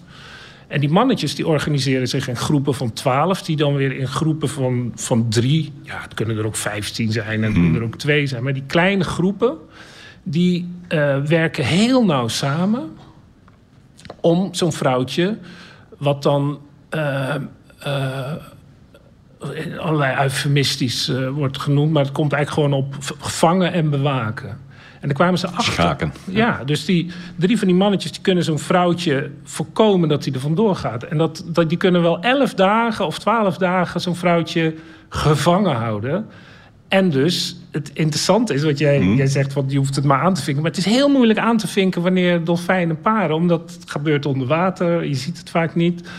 Dus dat is de, heel de precieze dingen die hoe zich, wat er zich nu afspeelt. Je hoort allemaal geluiden. Die mannetjes zijn voortdurend aan het communiceren. En uh, een van de belangrijkste aanwijzingen voor wat er gebeurt... is dat ze, als, dat ze bij uh, vrouwtjes die uh, vruchtbaar zijn... die hebben relatief vaak wonden. Dus die mannetjes die beuken erop om dat vrouwtje in bedwang te houden... en dan vervolgens te bevruchten. En nou komt dat onderzoek wat je noemt. Tot nu toe was het idee dat die uh, dat als je dus drie vrienden had die goed samenwerkten, dan had je de meeste nakomeling. Maar uit dit onderzoek blijkt dat als je de meeste vrienden in die grotere groep hebt. En dat was het grote raadsel. Mm. Want ja, je zou toch zeggen, die, die machine van voortplanting, dat is die, die, die, die, die, kleine, die kleine bende. Maar er gaat altijd wel een dolfijn dood. En als je dan heel erg gehecht hebt aan dat, die, die mannetjes uit jouw verkrachtingsgroepje, zou ik maar zeggen ik zeg het maar zoals het is. Ja, we dachten dat het ging gaan over flipper. Ja. ik denk als er, als er nog mensen in de zaal waren voor wie dat dolfijnen hun favoriete dier was. Ja, ik denk dat dat nu echt wel gedaan is eigenlijk. Met een beetje een shock. groepsverkrachting, dolfijnen. Ja, dat hadden we niet verwacht. Mijn jeugdidool. Ja, maar alleen maar in Shark Bay. Alleen maar in Shark Bay. Trouwens, Flipper, dat waren ook drie dolfijnen. Hè? Die werden ook eindeloos uh, afgebeuld door... Maar dus dat... dat uh, dat dus die, uh, die, die, mensen die meer vrienden hebben... die kunnen zich sneller herstellen. Omdat het namelijk ook een onderzoek over 30 jaar is. Als je het over twee jaar zou onderzoeken... dan vind je dus de, de, de, de hechte vrienden. En je zou, het, het, het interessante is, waarom doen die vrouwen er niks tegen? Dat is natuurlijk een, want... Die kunnen ook een groepje vormen. Precies. Die zou en die, moeten, maar... Ja, en die zijn ook uh, niet zwakker dan mannetjes. Want uh, herinner je dat je er dus drie nodig hebt om eens een vrouwtje... Want de zee is groot, weet je, je schiet zo weg. En ze zijn, ze, in, in een eentje kunnen ze ook verdedigen. Er zijn ook wel gevallen die ze er vanaf tot zo'n wiebelend bootje hebben gezien... dat, uh, dat dan een groep vrouwen bij elkaar zat... En dan één zo'n vluchtend vrouwtje ertussen. En dan uh, waren die mannen er kwijt. dus het zijn, want dat is namelijk het, het, het, Je kunt er zeg maar met een morele blik naar kijken. Maar zeg maar biologisch is het natuurlijk fascinerend. Want het, zijn dus geen, het is geen familie die samenwerkt. Als je naar mm. olifanten of, of tijgers... Wat ook de, of tijgers werken niet samen, maar uh, leeuwen of, of hyena's. Heel vaak familiegroepen die heel nauw mm. samenwerken. Chimpansees ook. Chimpansees ook. En um, ja, daar is een uitzondering op volgens mij. Maar goed, in principe is het grote probleem... Uh, hebben zij opgelost dat je dus heel nauw samenwerkt... in de voortplanting zelfs... Mm. tussen niet, mensen die niet familie zijn. Dus ze, ze helpen elkaar. Dat is bij dieren vrij bijzonder. En je ziet dus ook dat ze een enorm communicatiesysteem hebben... met die kliks en die bubbels. En, uh, dus die mannetjes hebben iets gevonden om die ontsnappende vrouwtjes te vinden. En je zou kunnen, misschien hebben die, is de evolutie nog niet zover dat die vrouwtjes ook, als zij ook met z'n drieën altijd bij elkaar blijven, dan, dan kunnen ze niet meer worden die mannetjesgroepen weer groter. Dus het kan totaal Mhm. uit de hand lopen natuurlijk. En dat duurt Maar- niet alleen op strijd en geen voortplanting niet meer. En dat, eh, dat houdt de biologie of de evolutie ook tegen. eh. het zijn de diersoorten die het meeste Ja. nakomelingen krijgen, die succes hebben natuurlijk. het is een strategie waar minder nakomelingen uitkomen. Ja. Ja. die, Ja, Shark Bay is wel geen plek om te gaan zwemmen, denk ik dan. eh. De naam zegt het. Ja, maar misschien een vergissing. Hè? Dat zagen ze die dolfijnen. Oh, dat is een leer. Dat kan er zelfs ontstaan. Maar dus die, het probleem bij, die, eh, bij, bij chimpansees en bonobo's heb je dat... Dat eh, de, het, het voedsel wat ze eten loopt niet weg. Dus die zitten vaak met z'n allen bij Zijn één fruit boom. eten, en ja. dan heb je nauwe verbanden. Terwijl die, die vissen, die, eh, die, die, eh, die vissenscholen, die schieten alle kanten op. En ja, dus iedereen, het gaat een beetje ieder voor zich in het voeding. Dus hoe goed leren die vrouwen elkaar kennen ook? Nou ja, Mhm. dat is allemaal eindeloze het, het voer voor biologische theoretici. ja. Nu, bij mensen zie je dat gedrag ook wel. Heb het er net gehad over eh, vrouwen die vallen voor eh, machtige figuren. Maar als je de, de sprookjes eh, nog eens bekijkt met al die prinsessen en hun torens... en die worden allemaal geschaakt. Kijk naar de geschiedenis van Rome. De Sabijnse maagdenroof, voor wie zich nog zijn geschiedenis herinnert. Heel in het begin van de geschiedenis van Rome, toen het nog een kleine stam was... zijn die op een bepaald moment de naburige stam, de Sabijnen, gaan overvallen... gewoon om vrouwen weg te halen. Ze hadden vrouwen tekort. Ja, Oké, dan gaan we ze stelen. En het officiële verhaal is dat die vrouwen dat eh, heel leuk vonden en blij waren dat, dat ze zei de mee bureau. mochten in de grote geschiedenis van het grote Rome. Maar de realiteit is waarschijnlijk heel anders geweest. Dus ook bij mensen zie je dat ja, semi-verkrachtingsgedrag. En het is uiteindelijk altijd de biologie die bepaalt eh, welk gedrag in eh, welk percentage van de gevallen voorkomt, wat uiteindelijk het meeste nakomelingen geeft. Moraliteit komt daar helemaal niet bij kijken in de biologie. We stellen dingen vast en eh, als het maar nakomelingen heeft, is het goed. Wij mensen eh, staan daar een beetje boven en wij eh, stellen voor onszelf nog andere regels op die niet helemaal kloppen met de biologie. Het is niet de bedoeling dat we elkaar continu de kop inslaan. Wij vinden dat niet goed. Maar biologisch gezien zou het vaak eh, ja, Dat is ook nog maar recent. wel nuttig zijn. Nou ja, die- Alleen wij vinden dat moreel niet aanvaardbaar en wij doen Ja, dat niet. maar die moraliteit is ook weer uit de cultuur, uit de biologie voortgekomen. Je ziet ook die, die samenwerking van die, van die dolfijnen is natuurlijk ook een, een, een hoge. dat- wij, vinden dan natuurlijk dat niet zo, eh, eh, eh, ethisch, maar eh, het, het is natuurlijk een, een sociaal gedrag. Wat een hoger cognitief gehalte heeft. En je, ja, je, daar, daar- kan je weer andere dingen mee. Die vrouwtjes kunnen die. Want die zijn net zo slim als die mannetjes waarschijnlijk. Dus die, die, die kunnen die, die taal ook spreken. En ja, dus je weet niet hoe het loopt. En die. eh, het, het kan ook zo zijn dat bij de mensen de samenwerking, de enorme eh, sociale neigingen, ook tussen mannen en vrouwen, dat die uiteindelijk meer, meer eh, eh, hoe heet het, eh, nakomelingen oplevert. Want We zijn een Zoals succesvolle diersoort. Ja, Ja. dat is duidelijk. zoals ze bij zijn maagdenroof, ja, deze is dan gelukt. Maar misschien zijn er ook heel veel mannen bij omgekomen. Ja. Dat heet dan oorlog. Ehm, goed. Dat brengt ons weer op blockchain, of Ja, niet? nee. Ik denk dat de nieuwe Wel ja, eh, van ook. krachten, dolfijnen naar... Ja, bruske overgang weer naar eh, cybersecurity. Eh, ik krijg echt elke dag phishing mails of berichten. Eh, dat zal bij onze luisteraars helemaal niet anders zijn. Wat kunnen wij daar nu eigenlijk aan gaan doen? Ja. Was het, was het thema dat we, dat we eh, ook op aankwamen, of, of eentje dat mijzelf eh, na aan het hart ligt, omdat je... ehm, ik vind niet dat daar genoeg over gesproken wordt. En dan kan je, dan kan je het echt hebben op eh, wat wij als individuen te, te, te verwerken krijgen. Inderdaad, phishing aanvallen, pogingen om, om ons geld te laten overschrijven naar een vriend in nood. Hè, zo hulpvraagfraude. Je dochter is haar gsm kwijt en die wil dan 100 euro of een factuur die niet betaald geraakt.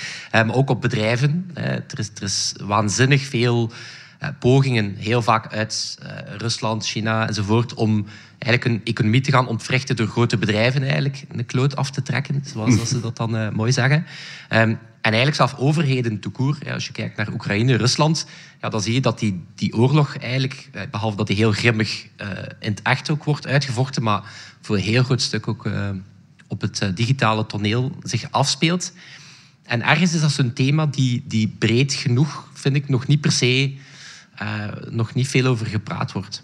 Maar er ook heel veel misperceptie over is. Want mensen denken vaak bij hacken meteen van... Ah, er gaat één hacker heel specifiek mijn ene laptop gaan kraken om mij te kunnen volgen via mijn webcam of wat dan ook. Maar in realiteit is dat niet hoe dat hacking gebeurt. Hè? Ja. Um, om dan inderdaad de, de, de tips, hè, want dat, dat, dat, is denk ik wel belangrijk, is opnieuw, zoals dat Thomas zegt, of Smolly zegt, sorry. Mm. het is vreemd. Wij kunnen ook um, wel bijnamen gaan doen eigenlijk. Ja, er zijn heel gesofisticeerde hacks, die zijn ook te koop. Maar die worden dan typisch gebruikt om een, uh, een politieker te gaan hacken of een, uh, een beleidsmaker. Hè. Dus dat, dat gebeurt absoluut. In het meeste geval zijn dat heel domme hacks, waarbij dat opnieuw mensen gaan eigenlijk proberen om jouw paswoord te bemachtigen. Of ze gaan je echt zover proberen krijgen dat jij dat geld ook overschrijft. Die gaan, uh, soms is dat heel kort. Ja, mama, um, ik zit in de problemen. Ja, ik heb hier net een factuur en ik durf het niet zeggen aan mijn vriend. Ik ben mijn gsm kwijt. Ik durf het niet zeggen aan mijn vriend en hij gaat kwaad zijn. Stuur mij nu gewoon even 500 euro en mama doet dat. Maar ja, leg dat maar eens uit aan de bank. Hey, of dan ga je naar de bank en dan zegt die bank, ja, je hebt die overschrijving gedaan. Wij kunnen daar niet veel uh, aan gaan doen. Uh, of dan zegt It's Me, en dat is denk ik de grootste tip. It's Me gaat je nooit sms'en sturen, ze doen dat niet. Hè. Of de federale overheidsdienst vakantiegeld, ja. die niet bestaat. Uh, of je bent een kleine zelfstandige, ah, je hebt recht op een premie, de covid-premies, de energiepremie. Sturen ze dan gewoon naar duizenden, honderdduizenden mensen. En er gaat altijd wel iemand zijn um, ja, wiens schild nog niet uh, getraind genoeg is. Die gaat erin lopen. Uh, soms is dat wel, je komt dan op een pagina die echt lijkt op je bankomgeving. Sommige hackers doen wel echt hun best om die... En ze kunnen ook spellen tegenwoordig. Dat is inderdaad dat is, dat is de grote omslag, die, maar dat is al ja. twee, drie jaar geleden geloof ik, zoiets. En maar vroeger kon je inderdaad zeggen, kijk eens even goed of dat, die, of dat die brief wel goed gespeld is en staat je naam wel in de aanschrijving. Ja. En er waren een aantal simpele tips die je kon hanteren om te weten van, ja, die brief komt niet van mijn bank uh, of die sms komt niet van mijn dokter of zo. Die ja. dingen. En nu is dat vaak veel moeilijker. Ja, eigenlijk is, eigenlijk is de beste tip is, um, klik er gewoon niet op. Sowieso. Bel eens naar je bank. Bitte kijk eens naar je mailbox. Ze zullen, als het echt belangrijk is, ja. gaan ze het wel doen. En het beste is, de, lijkt het op een Monopoly-kanskaart, dan is het wellicht nee, ook niet waar. Gefeliciteerd, u heeft 500 Belgische frank gewonnen. U hebt een, ja. u hebt een coronapremie gewonnen. Zo. Ah, Corona. 4000. Cool. Dus dat is ook, eigenlijk moet je gewoon niet klikken. Dat is het. Maar het, wat ik het lastige vind, en dat is een, dat is een andere beveiligingstip, is... Um, dat heet two-factor authentication. En dat betekent dat je niet enkel inlogt met je paswoord, want paswoorden, en dat is helaas ook uh, nog te veel, zijn vaak niet complex genoeg. Of mensen hergebruiken paswoorden. Ooit is er dan een hack. Dat ene paswoord is gekend. Ze gaat overal gaan proberen, ze zijn binnen. Two-factor authentication zegt, je steekt daar nog een stap tussen. Stuur mij ook een sms en in, die sms staat dan een code. Of ik heb een, een app op mijn telefoon die genereert een code. Uh, en zo ben ik binnen. Maar zelfs daar is het, dat bleek dan deze week weer, zijn echt zeer goede hackers al op voorbereid. Ja, dus, dus eigenlijk is dat veilig. Ja, dat, ging over, dat ging eigenlijk over, over het verhaal van de week van, van, van de lapsus-hackers. Dat vond ik eigenlijk, uh, Frederik... Want je, had het over, over, over, je hebt het over de echte criminelen en, en, en over de uh, gebruik van hacking in, in de oorlog. En dan hadden we deze week hadden we weer uh, ja, een groepje hackers dus op, opge, opgedoekt. En ze waren, het, ging, ging om zeven tieners. Hè, van de, de, de leider schijnt uh, 16 zijn geweest. En die waren allemaal samen bij bedrijven aan het binnenbreken. Zoals de hackers van 20 en 30 jaar geleden dat deden. Met dat verschil dat deze wel losgeld vroegen. Dus, ja, maar hadden... op een heel knullige manier ook. Ja, maar ze hebben uiteindelijk... Ze zouden dus, tenminste dat zegt de politie dan, denk ik... een, een 13 miljoen dollar aan losgeld geëist van bedrijven. Dus, maar ook dat toont de zwakste schakel aan. Want die, ja. wat ze dan gaan doen... En dan zeggen ze, kijk, die account is veilig... Want je moet via sms een extra code gaan krijgen. Ja, en... Wat zeggen die vrienden van Lapsus? Wij gaan naar een telecomcenter en wij gaan ons daar gaan voordoen als een persoon. En er zal altijd wel een medewerker zijn die wij kunnen om de tuin leiden. En dan laten ze op hun simkaart jouw nummer zetten. En dan zijn ze, dan zijn dat was een van die technieken, effectief. Dat is een van die technieken. Dus maar het was ook veel simpeler, die, die, die, die tweede factor. Want uh, ja, wij, wij, wij, gebruiken vaak... Uh, op het werk gebruiken wij Authenticator nu. Dat is dat, dat, dat moeten we altijd zo'n code gaan halen in een app. Dat is een zeer goede second factor. Maar er zijn ook iets gebruiksvriendelijkere versies. Dan heb je, Google doet dat. Hè. Google stuurt dan gewoon een pop-upje naar je telefoon. En dan moet je erop klikken. En dan weet de server waarop je probeert te connecteren, ah, niet alleen kent die persoon het wachtwoord, maar die persoon uh, bezit ook deze telefoon. Want dat bericht wordt alleen uit deze telefoon gestuurd. Dus dat, dat is die tweede factor. Dat is een bijzonder, in principe een heel veilige manier van inloggen. Maar die mensen van Lapsus, en er zijn nog andere hackers die dat ontdekt hebben, uh, ja, die, die, die toch op iemand zijn, zijn account in te breken. En dan krijgt de eigenlijke eigenaar van die, van die account krijgt dan dat pop-upje. En blijkt dan dat als je maar vaak genoeg probeert in te breken op iemands account, dat er dan iemand wel toch op dat ding klikt. Van Laat mij gerust, Chuck. Laat ja. me gerust, ja, ja, ja, ja. Waardoor inderdaad, uh, en dat wisten specialisten al, maar ik besefte zelf bijvoorbeeld... Ik, ik dacht bijvoorbeeld dat ik, dat ik met, die second, met, met die twee factors... Dat, dat dat een goed advies was, niet alleen van mezelf, maar voor iedereen. Absoluut. En dat blijkt toch niet. Als je het, als je maar het is, nog, het is minder waterdicht dan je denkt. Als je het, als je het uh, en nu zijn we heel ver aan het gaan, denk ik. Ja. Maar als je inderdaad, als je het met een app op je telefoon doet, dat is vrij veilig. Als je het via Best, sms doet, ja.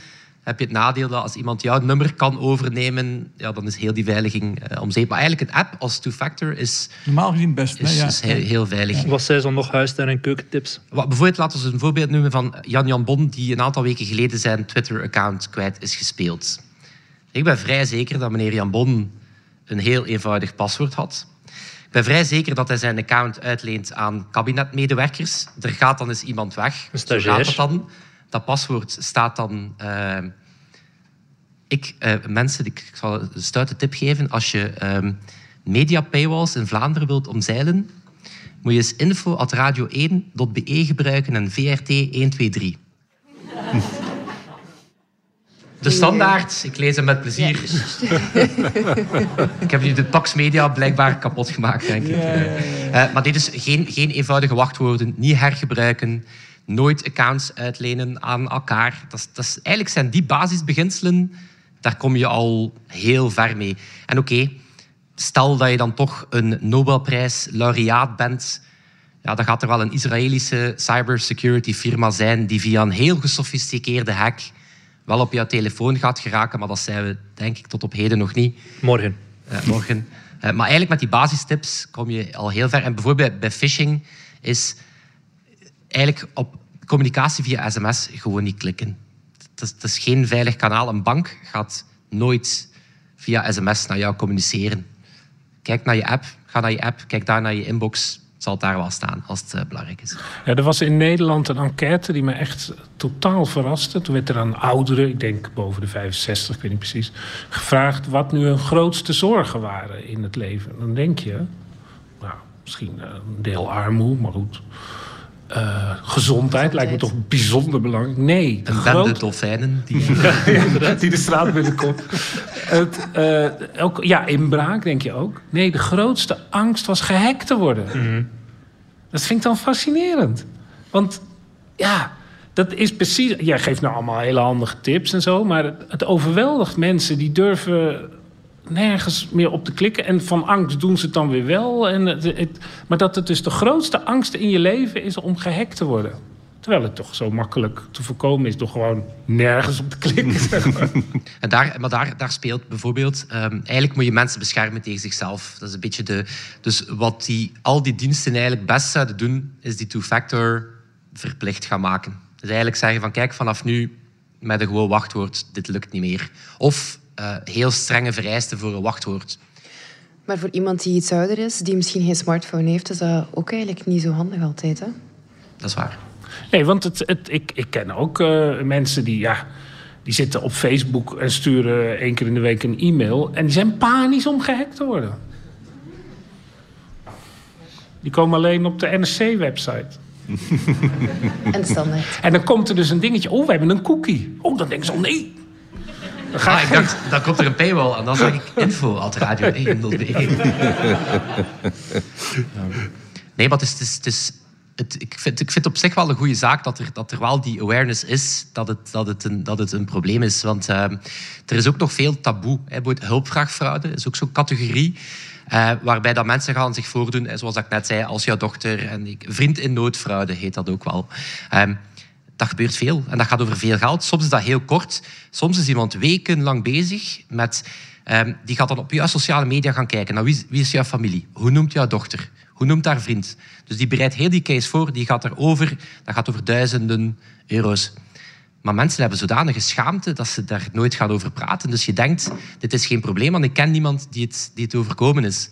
Ja, jawel, maar mensen durven er gewoon niet over spreken, omdat ze zich schamen Dat ze zo dom zijn dat geweest. ze zo dom zijn geweest. Maar ergens ook niet, want je mag niet onderschatten dat, die, dat zelf die kiddies, hè, die, die script kiddies, wat dan die jonge hackers genoemd worden, die, dat zijn geen dommerikken. Die, die, die, die, die bespelen jou echt.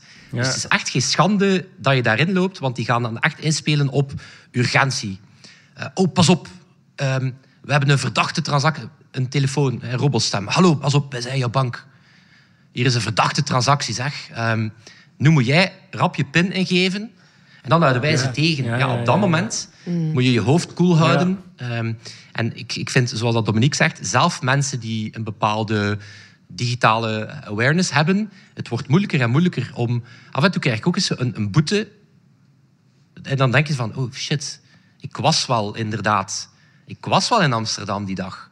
Ik krijg hier plots... En dan besef je, ja, maar wacht... Ja, maar als je Misschien dan je een andere... gepost op social media of zo, dat je die dag Voilà, in dan- Amsterdam... dan- dan- Dus misschien ook je social media misschien wel wat afschermen. Of... Maar ik gewoon een gezonde portie achterdocht Ja. is zeer belangrijk als je zo'n berichten krijgt. Of persoon, ja, als een persoon jou contacteert, die persoon via een ander kanaal gaan contacteren. Nee, gaan bellen naar de vriend van je, je dochter of wat dan ook. Om te kijken van, oké, ik ben nu heel tijd via WhatsApp aan het communiceren met mijn zogenaamde dochter. Misschien moet die via Facebook een berichtje sturen of via Instagram of... Ja, Ja, maar zelfs de, de, de, de meest ervaren mensen... die hebben ook wel eens een zwak moment... dat ze dan toevallig eh, door iets anders al een beetje eh, onrustig en in paniek zijn. Ik had, ik had ook een geniale laatst. Toen, eh, s'avonds laat, kreeg ik... Ja, dan in het Engels. Iemand die ik helemaal niet ken. Kun je me, ik ben op het vliegveld, kun je me komen halen? Dus ik, maar je hebt een verkeerd nummer. En toen werd ik langzaam aan de praat gehouden. Steeds. Op een gegeven moment denk ik, ja, kom op. Toen heb ik het afge... Maar dat, vond ik, dat, dat begon zo terloops en zo slim. Wat ik, waar ik wel mijn plezier uit haal, is reageren op die fishers. Dat is echt zo... Zal ik alvast mijn, mijn bankkaartlezer erbij halen? En zo, zo, heb ik mijn kredietkaart nodig? Want dan haal ik die even. Die denken, Maar, amai, die is heel gemakkelijk. Ja, ja, ja, dat is... Nee, toch. Maar soms gaat het ook echt wel heel ver. hè, Want soms is er toch ook echt pure chantage. We hebben beelden van jou. Je wil niet dat we die verspreiden. Je moet nu geld overmaken en zo verder. Ja, ja, ik denk... ey, het, het Die internet heb ik is- zelf nog niet gehad. Nee, nee maar we we hadden, eh, in onze podcast Daniel Verlaan te gast. Ze is Een Nederlandse onderzoeksjournalist, heel sterk in tech. Eh, en die heeft onder andere onderzoek gedaan naar eh wraakporno, revenge Oh, ja. porn. Eh, on- jongeren, en daar is niks mis mee, die seksten dan met elkaar. Daar is echt niks mis mee. Dat is biologisch Ja, zeer voilà. normaal. Dolfijnen doen dat Eh, ook. Maar ja, plotseling loopt die relatie op de klippen. Ja, ja, die foto's bestaan. En ja, dan, dan, dan, dan is je jeugd kapot. Hè, want dan, dan, dan verschijnen die beelden. Kan je die platformen bijna niet bereiken om die dan offline te halen. Dus ehm, ja, het is, het is denk ik wel een uitdaging voor onze maatschappij om jong tot oud, eh, particulieren tot professionelen. Want alles wat we hier nu zeggen, gebeurt ook in bedrijven je voordoen als iemand en naar IT bellen en zeggen: ja, ik heb hier een superbelangrijke vergadering en, en het gaat niet en kunnen mijn computer resetten. En, en die IT zegt: nee, mag dat niet doen. En dan zo: ja, maar dat is hier wel de vergadering met een. En dan noemt hij de, de baas op en dan zegt hij een IT-medewerker: ja, oké, het is goed, maar. En dan zijn ze plotseling binnen in het systeem. En dan, Ja. Ja, de computercriminaliteit is echt totaal veranderd. Want ik herinner me nog een verhaal van, eh, dat, moet denk ik twintig jaar geleden zijn op de universiteit, dat ineens, ja, computers, de- eh, alles was uit. En toen gingen ze kijken, waren alle servers gejat. letterlijk. Gewoon meegenomen. Maar eh, wat dat Fre- Freddy nu net aanhaalt, Daniel Verlaan heeft een zeer goed boek geschreven, Laat je niet hack maken. En dat is echt een, een goede basis. Dus nee, ik, dus ik, heet je, ik ken je wachtwoord. die wachtwoord, en laat je niet hack maken, is een ander. En dan. Ik- Mijn G en mijn H zijn niet zo goed. De West-Vlaamse. ja, hack, H-A-C-K. Maar dat zijn zeer goede leestips voor mensen die zeggen ik wil me erin verdiepen, ik weet er zelf niet zo heel veel van. Zeer, zeer goed uitgelegd van wat dat de mogelijk ook heel goed in context geplaatst van hoe gevaarlijk is dit en dat en wat ga je er tegen doen om je te beveiligen. Ja. Dus ik ken je wachtwoord van Daniel Verlaan. Oh, wel, kijk. Oké. Ik ken trouwens het wachtwoord van iedereen in de zaal wat betreft het alarmsysteem thuis. Dat is 1, 2, 3, 4. Steek uw hand op. Ja, nee, nee. Oké, we komen vanavond iemand. Ja. Ja, maar opnieuw, er is, er is een grote... eh, bijvoorbeeld al die slimme toestellen thuis. We hebben dan thuis een, een slimme router en, en slimme lichten en zo. Ja, heel vaak, die toestellen die komen dan uit de doos met een standaard paswoord. Admin, admin, is dan zo de klassieker. Ja, hoeveel mensen passen dat dan ook aan? weinig. Hè. Dan, ja, en plotseling is er wel iemand die, die Een mooie in je ingang in je wifi van je thuis. Ja. Oké, eh, Pieter en Hendrik, we hebben nog twee onderwerpen en een dino-weetje uiteraard. Ehm, Hendrik, jij wil het nog hebben over een Afrikaanse slaaf in Portugal. Ja, dat is een, dat is een soort verhaal wat, wat eigenlijk eh, wat je niet vaak hebt als eh, wetenschapsjournalist. Maar dan kom je in eh, ja, de Journal of Archaeological Science kom je ineens een verhaal tegen dat, dat, dat eigenlijk een filmscript is. Dit, dit, eh, het zijn archeologen die eh, opgravingen doen en eh, archiefonderzoek over ja, iets totaal middle of the road. Jager-verzamelaars in Portugal eh 8000 jaar geleden, zeg maar vlak voor de landbouw daar verschijnt. Super interessant, maar ja, Ja, interessant voor archeologen. ja, interessant voor archeologen.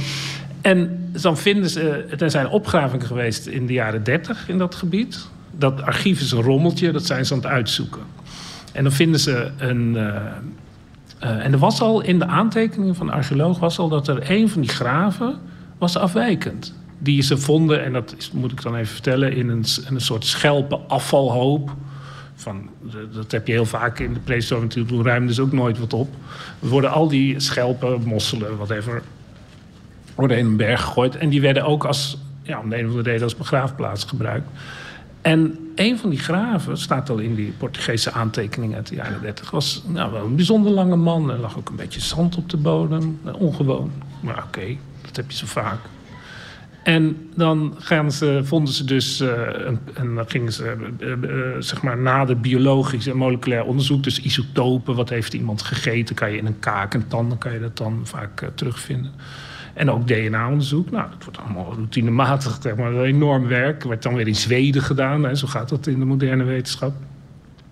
En een van die isotopen, totaal ander eten, heel ander soort, eh, eh, veel meer eh, grassen en niet dat, niet dat zeevoedsel wat ze daar in Portugal aten. En DNA. Ja, West-Afrikaans DNA. En dan de, de C14-datering, niet 8000 jaar, maar 400 jaar. Weet je, je voelt het zo'n eerste scène van een, de- zeg maar de pilot van een tv-serie, waarin dus een verhaal op twee niveaus, eh, dus zowel die archeologen als die. Ja, eh, er blijkt dus, hebben ze, eh, eh, dat vind ik dan ook interessant. Die archeologen die worden ineens kenners van. Die moeten die hele literatuur over slavenhandel van de Portugezen gaan eh, door, eh, doorwerken. En dan blijkt dus ook, was voor mij ook een verrassing dat dus ook in Zuid-Portugal heel veel Afrikaanse slaven in de, vanaf de 16e, 17e, 18e eeuw. Ja, er werkten gewoon heel veel Afrikaanse slaven. Nou, dat, dat wist ik eigenlijk helemaal niet. Ik dacht dat die allemaal naar Portugal gingen. Maar dat, ja, daar hadden ze ook grote plantages. Dat vonden zij wel makkelijk. En het, het gaat zelfs zo ver dat dus die... eh, eh, ze hebben dan ook in de parochieregisters gekeken van dat gebied. Dus iets van eh, het, het, verder op de rivier bij, bij Lissabon, iets van eh, 100 kilometer landinwaarts of zo. En dus dat gebied heeft natuurlijk al die, eh, die parochies hebben ook aantekeningen van eh, doden en geboortes. En ja, er blijkt dan dus ook dat eh, in 1633... er komen ook heel veel slaven die doodgaan. Worden daar ook in, of die zijn vaak nominaal tot christendom bekeerd. En die worden dan ook, maar die worden dan bij, op het kerkhof begraven. En deze lag ja, in het wild op een, ja, een prehistorisch kerkhof eigenlijk. En er is dan één in 1633, die is, eh, ja, die is dood, een naamloze s- slaaf. En, maar het wordt niet gezegd, dus die kan het zijn. Er wordt niet gezegd waar die begraven is. Maar nog interessanter voor het filmscript is dat er in 1676 is jou, een bruine, staat er dan in, in het Portugees, vermoord op de plek waar dat schelpengraf ook is. Dus ja, dat, we zullen nooit weten hoe het zit. Maar ja, het, ik vond het een, een prachtig verhaal, omdat je ook ziet dat de techniek dit allemaal tevoorschijn haalt. Want zonder die DNA-testen op een kaak. Want ook zo treurig dat al die. eh, ze hadden wel mooie aantekeningen gemaakt in de jaren 30. Maar al die skeletdelen ja, in dozen. Nou ja, dat wordt doe maar bij elkaar. Dus alles lag door elkaar. En dat wordt dan helemaal uitgepluist door Zweedse archeologen. En ontstaat dus een verhaal. Wat. Oh ja, want het, het, het, het, het klapstuk is ook nog dat in West-Afrika is het niet ongebruikelijk, nog steeds niet, om ook in zo'n schelpenberg te worden begraven. Dus ze hebben ook een verhaal geconstateerd dat het best wel eens zou kunnen zijn dat die vermoorde man door zijn eh, slavenvrienden op de oude wijze is eh, begraven. Wat je ook wel op, bijvoorbeeld op de Canarische eilanden ziet. Dat allerlei Afrikaanse mythes en eh, rituelen. Trouwens in Brazilië ook. Dus je, je, ja, je, je begint met jagers-verzamelaars en je, begint, je eindigt met een, een, een, ja, een detailverhaal. Ja, ook van verschrikking. Want als je die, die. Er zijn wel andere graven van eh, slaven teruggevonden, maar soms ook massagraven met honderd man die allemaal tegelijk zijn afgemaakt. Een opstand misschien. Dus wie twijfelt eh, wat hij gaat studeren, archeologie is een Ja. mogelijkheid. Ja. Het is soms spannend. Dus we, we hebben wel nu verkrachting gehad, Ja. slavernij, eh, blockchain En, en wacht tot je het volgende case, ja. onderwerp hoort. Want eh, Pieter, ehm, onderzoekers zijn erin geslaagd om leder te maken van schimmel. Ja. Gaan wij dan binnenkort allemaal rondlopen met de schimmel, schoenen, schimmel, Ja. tassen? Eh, tot nu toe is een Delvaux eh, heel mooi voor dames. Maar dat wordt dus binnenkort een Delfaux. Met valsleer. Een schimmeldelvo. En eh, ja, niet beschimmeld, maar gemaakt van schimmel. Het is al een tijdje bezig hoor. En, eh, er is al een merk dat zelfs al een beetje bekend begint te worden. Dat heet eh, Milo. En eh, vorig jaar heeft Adidas al eh, sneakers uitgebracht met het bovenleer gemaakt van dat Milo. Dus ook het eh, schimmel gemaakt. Schimmel. En, ja. en dit jaar in de zomercollectie van Stella McCartney kun je ook een eh, pak kopen met eh, leer dat eh, ook weer dus van schimmels gemaakt is. Zij laten die schimmels groeien op, op zagenmeel. En dat werkt. Is dat dan even sterk? Ehm, dat zal moeten blijken. Dat, eh, bij designers wordt meestal niet zo gekeken hoe sterk het is als het maar chic is. hè. Het is het etiket dat eh, daar speelt. Dus de kwaliteit van het leer is nog niet helemaal wat echt leer is. kan, Maar het, kan de modewereld het ook mee doen, eh, Pieter. Maar het begint in de buurt te komen. En wat we nu op de conferentie van de American Chemical Society eh, gehoord hebben, is een Zweedse dame die daar een lezing gegeven heeft. En die zegt: Wij zijn weer een heel stuk dichter bij echt leer gekomen. Het probleem met dat, eh noem het al klassieke namaakleer, is ja, je moet dat, eh, die schimmel kweken op zagenmeel. Dat, dat duurt zijn tijdje, dat is eh, heel arbeidsintensief. Wat wij doen is, wij gebruiken een schimmel die je kunt kweken in een kweekvat in oplossing. Wij doen een vat vol water. Wij gooien daar gewoon oud brood bij. En we enten dat met een schimmel. Ik heb de naam hier op mijn Dat brief is ook een hele goede manier om bier te maken, ook volgens mij. Ja, klassiek bier is inderdaad. Je zelf laat het aan de open lucht openstaan en wat erin valt eh, begint te gisten. Zij hebben het geënt met een schimmel die heet Rhizopus delemar. En Rhizopus, dat zijn draadschimmels. Als je al eens een rotte tomaat gehad hebt, daar staat soms zo'n eh, langharige schimmel bovenop. Dat is de one. Dat is dus eh Rhizopus. Gewoon laten staan en dan heb je Gewoon laten staan. Iemand die denkt, daar de schoenen. een ja. modieuze schoen eh, van kopen. Het werkt dus ook met rotte tomaten. Eh, wat je doet, is een schimmel eraf halen. En die schimmeldraden die zijn voor een goed stuk gemaakt uit eh, chitine. De stof die ook de, de schilden van insecten en de schubben van eh, vissen maakt. En chitosaan, een familielid daarvan. Haal alle vetten, alle suikers en al, alle eiwitten weg uit die cellen. Dat kun je chemisch doen. En wat overschiet, een of andere soort, ja, een soort blubber. Daar spin je dan draden van. En daar heb je dus eh, pure chitinedraden. Kun je gebruiken als eh, hechtdraad voor wonden bijvoorbeeld. Het is eh, biocompatibel. Je zou er kunnen verbandgaas mee gaan weven. Dat dus niet afgestoten wordt door het lichaam. Dat onderzoek is bezig, zover zijn we nog niet. Maar als je gewoon de schimmel als dusdanig perst, een soort vilt van maakt, heel veel schimmels over elkaar heen uitpersen, dan krijg je een soort, ja, ja zou je leer kunnen noemen. Eh, leg een paar lagen boven elkaar. eh, behandel die met tannines, wat je met, eh, met klassiek leer ook doet. looien, zeg maar. Tannine is looizuur. Behandel dat met, met alkali, met, met loog. Dan wordt het steviger van. En er was nog een derde behandeling, dat is met glycerol. Dan wordt het rekbaarder, dan wordt het iets van een 15% rekbaar. En je begint heel dicht bij leer te komen. Leg een paar lagen over elkaar heen, pers die goed samen. Eh, pers er eventueel bovenop nog een krokodillenprint of zo. En eh, je hebt mooi leer. En zegt deze dame, het voordeel bij ons is, omdat wij kweken in zo'n kweekvat in water, gaat het heel snel. Moeten we veel minder energie gebruiken dan als je het zou gaan kweken op, op echt op rottotomaten of op uh, zagenmeel werd dus ook uh, veel gebruikt. Dat is arbeidsintensiever en ons leer is beter, zegt ze. Moet En er natuurlijk nog in de praktijk gebracht worden. En er moeten geen dieren voor sterven. hè. En er moeten geen Nee, dieren voor er sterven. zijn En klaar. gekweekt worden. Ja. Dat is de, de basisreden. Hè. Een Nou, vandaag wil ik wel uit de molen. en eh, schoenen. Ja. Ja. De lievigheid is er helemaal af, bedoel je? Ja, ehm, we sluiten bits en atomen altijd af met een dino-weetje. Dat is eigenlijk begonnen als weddenschap. hè. Pieter, jij wou jezelf uitdagen om te zien of dat jij elke week een nieuwsfeitje kon vinden over een dino. Ja.